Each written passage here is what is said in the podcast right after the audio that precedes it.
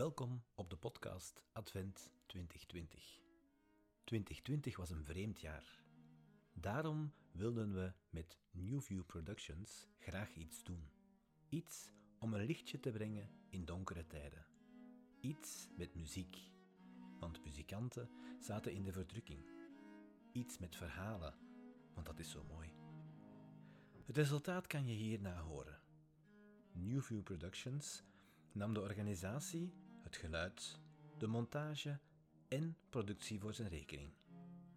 Platinascoop verzorgde de beelden, die u via onze website kan bekijken. www.newview.be advent. Met dit project willen we ook een steun zijn voor de mensen uit de culturele sector. Op onze website vindt u een betaalknop. Het geld dat overgeschreven wordt, gaat integraal naar de artiesten die deelnamen. Dag 17 van Advent. Vandaag hoort u Sep Pascalis. Hij brengt met zijn gitaar een nummer van zijn band Stereo Moon, Willing and Able. Nadien hoort u het eerste deel van een eigen verhaal van Jeff Verschuren, Nachtvluchten.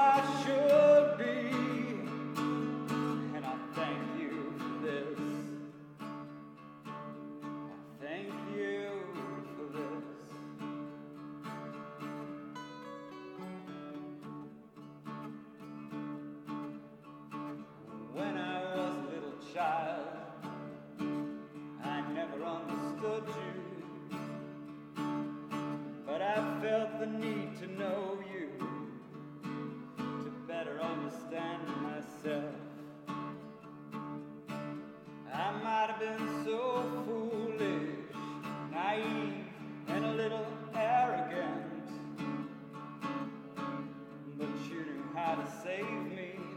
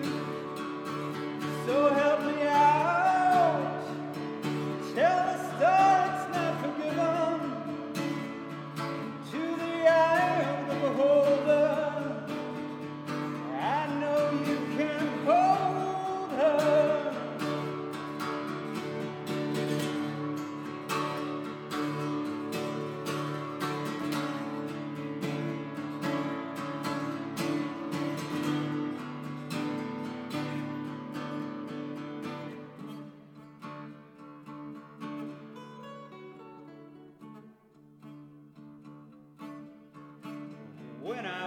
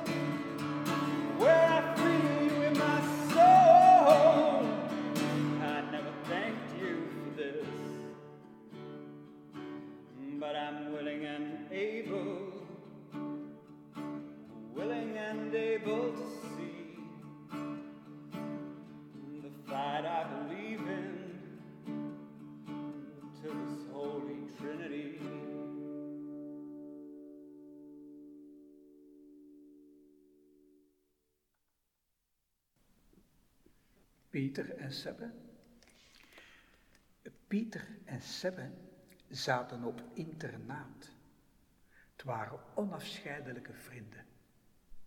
Elke woensdagnamiddag moesten ze samen de slaapzaal schoonvegen. En dat was het moment dat ze hun geheimen konden delen. Pieter kon s'nachts vliegen. Niet gelijk de vogeltjes of zo, nee, nee, nee. En ook niet bij een of ander toestel. Nee, gewoon met zijn armen stijf naast zijn lijf, gelijk een vliegende sigaar. Pieter, dat kan toch niet? Seppe, ik doe dat toch al een paar weken. Maar kom, deze nacht proberen we het samen. Die nacht stond Pieter aan het bed van Seppe. Seppe mocht lang uit op zijn rug bovenop de dekens gaan liggen en zijn armen stijf naast zijn lijf. Seppe, ogen dicht en maak je nu lichter en lichter en lichter. Mooi zo. Open nu je ogen maar. En Seppe keek recht in het gezicht van Pieter die boven hem zweefde. Bijna viel hij terug in zijn bed, maar Pieter kon hem grijpen. En toen konden die twee zo de slaapzaal uitvliegen.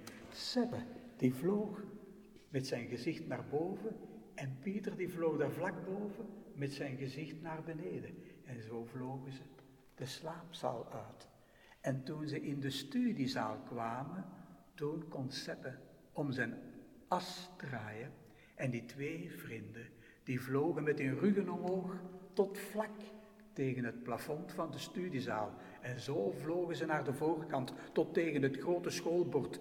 En daar maakten ze een perfecte hoek van 90 graden. En een beetje daarna nog een perfecte hoek van 90 graden. Zodat ze met hun ruggen rakelings boven de lessenaars terug naar de achterkant van de studiezaal vlogen. En zo bleven die vrienden maar rondjes vliegen. Allee, het was alsof dat ze meededen aan het Europees kampioenschap synchroon zwemmen. Seppe kon er geen genoeg van krijgen, maar na een tijdje zei Pieter, Seppe, we moeten terug, het is tijd. Pieter, waarom? Seppe, we moeten nu terug. En die twee, die vlogen terug naar de slaapzaal. En daar in de slaapzaal gekomen, stegen ze samen nog even op met hun ruggen tot tegen het plafond. En ze vlogen over de rijen, kastje bed, kastje bed, kastje bed. Voor Seppe was het alsof hij over een kerkhof vloog. En toen zag hij plots zichzelf daar in bed liggen, lijkbleek, roerloos, nauwelijks ademhalend. Hij liet een gil en klauwend naar lucht werd hij wakker in zijn eigen bed. Pas de volgende week, woensdag namiddag, kon hij uitleg vragen aan Pieter. Pieter, ik zag mezelf daar in bed liggen. Dat was jij niet, Seppe. Dat was je lijf. Mijn lijf? Je lijf. Hoe denk je dat wij kunnen opstijgen en blijven zweven? Wij moeten alles wat te zwaar is achterlaten. En wat gebeurt er dan met mijn lijf als we te laat zouden terugkomen? Seppe, je lijf en je leven, je zou doodgaan.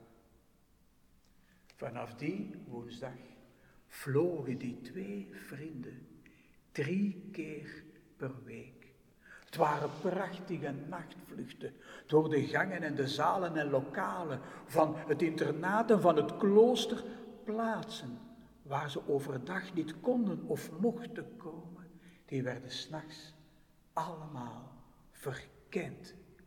Het mooist was het vliegen door de traphallen. Als ze van de bovenste verdieping in een grote spiraal naar beneden doken, tot in de kelders waar ze hun schoenen moesten poetsen en dan terug omhoog krinkelen naar de bovenste verdieping.